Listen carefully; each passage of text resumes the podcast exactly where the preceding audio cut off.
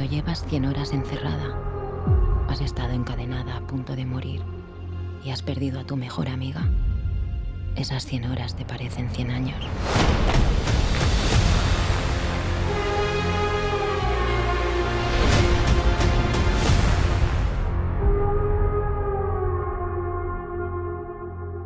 Hola a todos.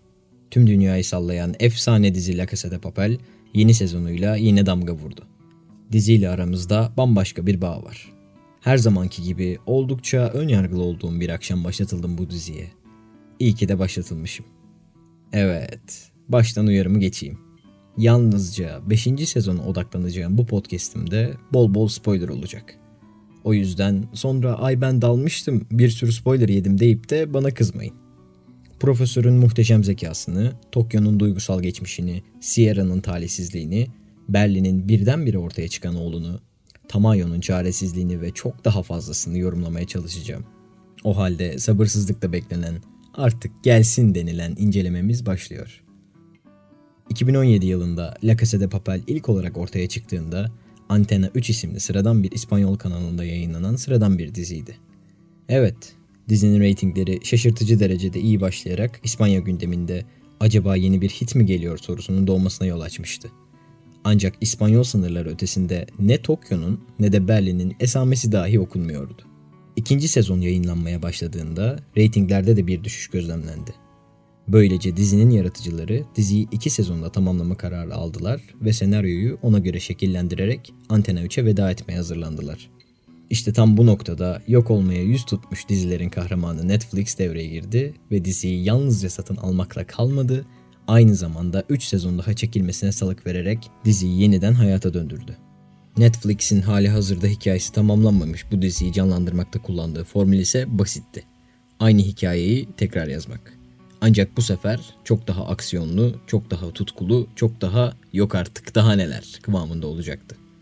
Netflix'in elinden çıkan 3. ve 4. sezonlar bu formülü makul oranda ekrana taşırken 5. sezonun ilk kısmı sınırları zorlamakta, sınır tanımayarak bize daha önce hiç karşılaşmadığımız bir La Casa de Papel tecrübesi yaşattı. Hem iyi hem kötü manada. Senarist Alex Pina'nın yanı sıra Nairobi olarak bildiğimiz Alba Flores, Arturo olarak bildiğimiz Enrique Arte ve Tamayo olarak bildiğimiz Fernanda Cayo'nun da aralarında bulunduğu ekip yine her sezon olduğu gibi nefeslerimizi kesmeyi başarıyor. Her sezon, hatta her bölüm kendimi ideallerimi ve başkaldırışımı yansıtmak isteyen kırmızı tulumlu bir dale olarak hissediyorum. La Casa de Papel'e efsane dememin nedeni de tam olarak bu. Ayrıca sağ olsunlar dizinin her bölümünü Infinity War izler gibi acaba hangi karakter ölecek diye düşünerek diken üstünde izliyorum. Umarım senarist final sezonunda parmağını şıklatıp bir anda sevdiğimiz şiirleri kana boğmaz. Dizi bu sefer bizim istediğimiz gibi önümüze gelmedi. Ama aksiyon o kadar yüksekti ki bu durumdan çok da fazla şikayetçi değilim. Bu sezonda altınları hiç görmüyoruz. Çünkü sürekli bir hayatta kalma mücadelesi içindeyiz. Ama maalesef yine bir kayıp veriyoruz. Biliyorum, sevdiğiniz çok karakter var. Ben artık şu diziye sevdiğim bir karakter veda edince küsüp bir daha izlememek istiyorum. Ama olmuyor işte. Her sezon çıktığı ilk gün yine bir gecede bitiveriyor. Öncelikle dizinin son sezonunun dört gözle beklenen ilk kısmında nelerle karşılaştığımıza değinelim. İlk bölüm dördüncü sezonun bıraktığı noktada hikayeyi devralıyor ve direkt olarak Lisbon'un bankaya girişiyle başlıyor. Profesörün Marsilya için yaptığı kaçış planı mükemmeldi. Tamanyo'nun çaresiz kalmasına bir süre sonra üzülmeye başlayacağım sanırım. Hiçbir zaman elinden bir şey gelmiyor ve her seferinde sinir krizi geçiriyor. Adam bazen aşırı itici, bazen de çok komik geliyor. Henüz onu hangi kefeye koyacağıma karar vermedim. Tamayo için arada kaldığım sahnelerden birisi de Angel'i taklit ettiği sahneydi. Yani gülsem mi, kıssam mı bilemedim. Neyse. Gelelim Stockholm'un Denver ve Malina'ya yaptığı bomboş tribe. Şimdi bazılarınız Cincinnati'nin güvencesinin Manila olduğunu, bu yüzden de Stockholm'un haklı olduğunu savunuyor olabilir. Tamam, gelin beraber bazı sorulara cevap verelim. Bu soygun neden yapıldı? Rio'yu kurtarmak için. Peki sen bu soyguna girmek zorunda mıydın? Hayır değildin. Sen madem çocuğunun geleceğini bu kadar düşünüyordun, ölebileceğin bir soyguna neden girdin? Hadi diyelim girdin. Çocuğunu soygundan ekip arkadaşın olan birine nasıl emanet ediyorsun? He, Manila rehinelerden biri olarak kalacaktı. Ona da tamam. Sen Manila'ya nasıl oluyor da kendini açık etti diye kızabiliyorsun. Ne olsaydı? Bütün rehineler kaçsa mıydı? Yani şu sezonun en saçma tribi dememe kalmadan Denver Türkçe düşüncelerime altyazılı tercüman oldu. Sierra tarafından alıkonulan profesöre ulaşamayan Lisbon'un bankadaki ilk işi bir duş almak oluyor. Evet, doğru duydunuz. Duş almak. Ancak kısa sürede ortaya çıkıyor ki aslında Lisbon'un manasız duş sahnesi Tokyo'nun geçmiş aşk hikayesini anlatması için bir bahane rolü üstleniyor. Sezon boyu işlenen bu hikayede öğreniyoruz ki Tokyo'nun bir zamanlar Rene isminde bir sevgilisi varmış. Tokyo'nun hikayesinden sonra öğrendiğimiz en önemli şey profesörün bir B planının olmadığı. İlk bölümün sonunda telsiz başında profesörün cevap vermesini beklerken bu zamana kadar profesörün karşısına çıkıp onu alt etmiş tek kişi olan Sierra'nın sesini duyunca yıkılan ekip, sona gelindiğini kanıtlayan, profesörün teker teker dilediği özrünü duyunca Sierra dahil herkesin gözünü dolduruyor. Bu sahne ikili arasında geçen savaşı Sierra'nın kazandığının ilanıydı. Soyguna gelindiğinde ise bütün taşların gelişmiş olduğunu ve artık hamlelerin konuşacağını görüyoruz. Hükümetin orduyu devreye sokması, içeride kim var kim yok umurumuzda değilin acınası bir kanıtı. Bunun üzerine kendisinin psikopat olduğu yetmezmiş gibi ekibinin de bütün üyelerinin kendisine benzediği Gandhi'ye başarımıza benzer bir de Sagasta karşımıza çıkıyor. Profesörün özrü, Tamayo'nun ordu baskını hazırlıkları derken dertleri başlarından aşkın olan ekibimize birçok da hala bir şekilde hikayede geniş yer kaplamayı başaran Arturo'dan geliyor. Esirler Arturo liderliğinde isyan ederek ortalığı adeta savaş alanına çeviriyor. Bu çatışma hali beklenmedik bir şekilde Stockholm'un Arturo'yu vurmasıyla sonlanıyor. Attığı bu adımdan anında pişman olan Stockholm bir şekilde Arturo'yu maalesef hayata geri döndürüyor.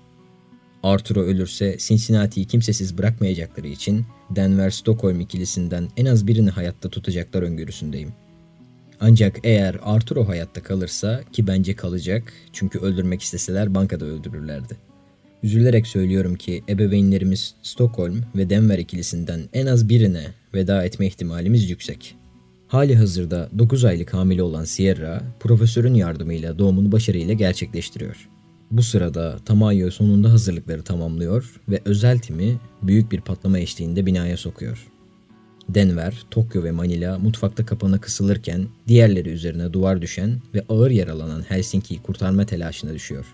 Helsinki'nin kurtulmasının ardından üst katta kurşun kıyamet yaşanırken alt katta Stockholm'un kendisine morfin enjekte edip kendinden geçmesi benim de ekran başında sinirden kendimden geçmeme neden oldu. Bu hareketinden ötürü zaten aşağı sıralarda olan Stockholm benim gözümde iyice geriledi. Sözde bu kadın bir de dizinin başında sorumsuzluğundan ötürü Denver ve Malina'yı azarlamıştı. Fazla üstüne gitmiş olabilirim ama hak ettiğini siz de biliyorsunuz. Bu arada Manila'nın Denver'e aşkını ilan etmesi hiç de şaşırtmadı. Manila 4. sezonda diziye girdiğinden beri Denver'in peşinden ayrılmıyor. Bu itiraf için çok bile beklediklerini düşünüyorum. Sagasta ve ekibin mutfağa girmesinin ardından çatışma sırasında ağır yaralanan Tokyo hızlı bir kararla Denver ve Malina'nın kurtulmasını sağlarken kendisiyle beraber tüm mutfağı patlatarak kahramanca diziye veda ediyor. Yalnızca 5 bölümden oluşan bu ilk kısımda en çok dikkat çeken nokta şüphesiz ki aksiyon sahnelerinin bolluğu. Her ne kadar ilk sezondan beri belirli bir düzeyde aksiyon görmeye alışkın olsak da 5. sezonda el bombalarını bazı ana karakterlerden örneğin Rio ve Helsinki'den daha çok görüyor olmamız kabul edelim ki pek de iç açıcı değil. Sinematografik açıdan çoğunlukla başarılı olan bu sahnelerdeki temel problem ise akla ziyan bir biçimde hemen hemen herkesin adeta bir Rambo'ya dönüşmesi ve bir türlü yaralanmaması. Örneğin 5. bölümde Tokyo'nun önüne düşen el bombasını oldukça atik ve pratik bir biçimde kapıdaki delikten karşı tarafa geri fırlatması Marvel filmlerinde dahi rastlanılması güç bir beceri ya da Helsinki'nin üzerine düşen 2 tonluk duvarın altından güç belada olsa kurtulabilmesi mucize değildir de nedir? Gandia'nın gördüğü onca şiddete rağmen dışarı çıktığı gibi iple duvara tırmanarak bankaya geri dönecek güçte olabilmesi de cabası. Arturo dahi kalbine sıkılan mermiye rağmen hayatta kalmayı başarabiliyorsa artık La Casa de Papel'de şaşırtıcı olanın vurulduğunda ölmemek değil de ölmek olduğunu söyleyebiliriz. İlk soygunun sonunda aramızdan ayrılan hepimizin sevdiği, bazılarımızın hala favorisi olan Berlin'in bir anda ortaya çıkan olduğunu henüz günümüzde izlemesek de nasıl ortaya çıkacağı konusunda merak içindeyim. Her ne kadar şimdilik oldukça havada kalsa da bu hikayenin bizlere sunulmasındaki tek amacın Berlin'in fanlarını mutlu etmek olmadığı aşikar. Aksine kuvvetle muhtemel olarak sezonun ikinci yarısında babasından el alan Rafael'in plana bir şekilde dahil olacağını göreceğimize inanmak istiyorum. Yalnız aklımda hala soru işaretleri var. Yayınlanan bu 5 bölümden sonra hemen her sezon olduğu gibi peki nasıl kurtulacaklar diye sormak oldu. Bu soruya bir cevap olarak Rafael'in bir kaçış biletiyle çıka gelmesi oldukça olası gözüküyor. Bir B planı olmadığının altını çizen profesörün A planının son ayağına yani Rafael'e güveniyor olma ihtimali yüksek. Senaristler karşımıza çıkarmayı planladıkları Rafael'i ilk soyguna neden dahil etmediğini bana cevaplayabilecekler mi merak ediyorum. Umarım Berlin kendi çıkarları için MIT'ye gönderip mühendis yaptığı oğlunu kendine küstürüp ekibimize düşman etmez. Eğer böyle olursa Rafael'i profesörün karşısında yeni oyuncu olarak da görebiliriz. Rafael hakkında çok fazla teorim var ama gerçekleşmesini en çok istediğim teori Rafael'in bütün ekibin hakkından geldikten sonra aslında onun da işin içinde olup bir anda herkesin kurtulduğu ve yaşanan her şeyin planın bir parçası olması dizi finalinde de herkesin olduğu bir sahnenin mükemmel olacağı görüşündeyim. Bence şu anda babasına karşı güven sorunları olan ancak buna rağmen babasıyla barışmak isteyen Rafael bu dizinin kilit ismi olacak gibi gözüküyor. İlginç olan ise babasının hayatta bir şeyi çok istiyorsan onu sahibinden çalman gerekir. Sözünden feyiz alan Rafael'in muhtemelen üvey annesi Tatiana ile bir ilişki yaşayacak olması. Bu ilişkinin plana nasıl etki edeceği ise halen merak konusu. Dördüncü sezon boyunca ekibimize kök söktüren Sierra'nın bu sezon yaşadığı değişim ise pek çok soru işaretini beraberinde getiriyor. Doğum sonrasında adeta ekibe dahil olmuş bir imaj çizen Sierra'ya ne derece güvenebiliriz? Profesörün elindeki Tamayo'ya ait ses kaydı Sierra'nın suçsuzluğunu ispatlıyor. Bu durumda kaçak olmaktan nefret eden ve eski hayatına kavuşma özlemini her fırsatta dile getiren Sierra neden profesörle iş yapma ihtiyacı hissetsin? Sierra da benzer şekilde düşünmüş olacak ki ilk fırsatta koluna bir makas saklayarak halen tetikte olduğunun işaretini veriyor. Nitekim çok değil, henüz birkaç hafta evvel Rio'ya işkence eden Sierra'dan başka türlüsünü beklemek abes olurdu. Sierra yeni doğan kızının adını zafer anlamına gelen Victoria koyarak ne olursa olsun kazanan tarafta yer alacağının, bu nedenle de ekibi her an sırtından bıçaklayabileceğinin altını çiziyor olsa da ben her şeyin sona ermesinin ardından profesörün ses kaydını ifşa ederek Sierra'ya istediği hayatı geri vereceği öngörüsündeyim. Ancak Sierra bunu kabul etmeyip ekibe Paris olarak katılırsa bence mükemmel olur. Sezon boyu yaşanan tüm bu olaylar şüphesiz ki Tokyo'nun final bölümündeki beklenmedik ölüm sahnesinin gölgesinde kaldı. Onlarca merminin üstüne bir de dört el bombasıyla kendini patlatan Tokyo'nun hala hayatta olma ihtimali La Casa de Papel evreninde dahi yok denecek kadar az. En sevilen karakterlerden olan Tokyo'nun ölümü trajik olmakla beraber bu sezon boyu işlenen hikayesiyle birlikte düşünüldüğünde bir o kadar da kahramanca. Sezon boyu Tokyo, eski sevgilisi Rene'nin ölümünü anımsayarak kendisinin bencilce aldığı bir kararın sevdiklerine olan etkisini sorguluyor. Geçmişe dönüp baktığımızda bu durumun Tokyo'nun hayatına bir döngü olduğunu fark etmek kaçınılmaz. Fevri bir kararla motorla bankaya girerek Moskova'nın ölümüne, canı sıkıldığı için uzaklaşıp Rio'nun kendisini aramasına sebep olarak yakalanıp işkence görmesine ve en nihayetinde bu olaydan ötürü filizlenen yeni soygun sırasında Nairobi'nin öldürülmesine sebebiyet veren kimdi? Evet, cevabı sizler de biliyorsunuz. Elbette pek çok etmen de bu olayın bir şekilde gerçekleşmesine etkili oldu. Ancak ilk taşı atan her zaman Tokyo olarak karşımıza çıktı. 5. sezonun ilk yarısı Tokyo'nun da kendisine dair bu aydınlanmayı yaşamasına tanıklık ediyor kendi bencilce tutumunun yıkıcı sonuçlarını idrak eden Tokyo, karakter dönüşümünü tamamlıyor ve bencilliğin yerine fedakarlığı koyarak sancılı bir döngüye son verip Rene'nin kendisine armağan ettiği samuray kar topunun da temsil ettiği şekilde etik değerlere sahip fedakar bir savaşçı olarak hayata veda ediyor ve her zaman arayışında olduğu özgürlüğe kavuşuyor. Son olarak 5. sezon 1. bölümünde Tokyo'nun anlatıcı rolünde içinde bulundurdukları çıkmazı dile getirdiği sahne muhtemelen öylesine olmaktan çok daha öte bir anlam taşıyor. Bu sahne boyunca Tokyo ilgili karakterlerin görüntüleri eşliğinde şu sözleri söylüyor. Bir gün abin ölümcül bir hastalığa yakalanır. Bir gün çocuğunu bir daha asla göremeyeceğini fark edersin. Arkadaşlarını göremeyeceğini fark edersin. Babana bir daha sarılamayacağını fark edersin.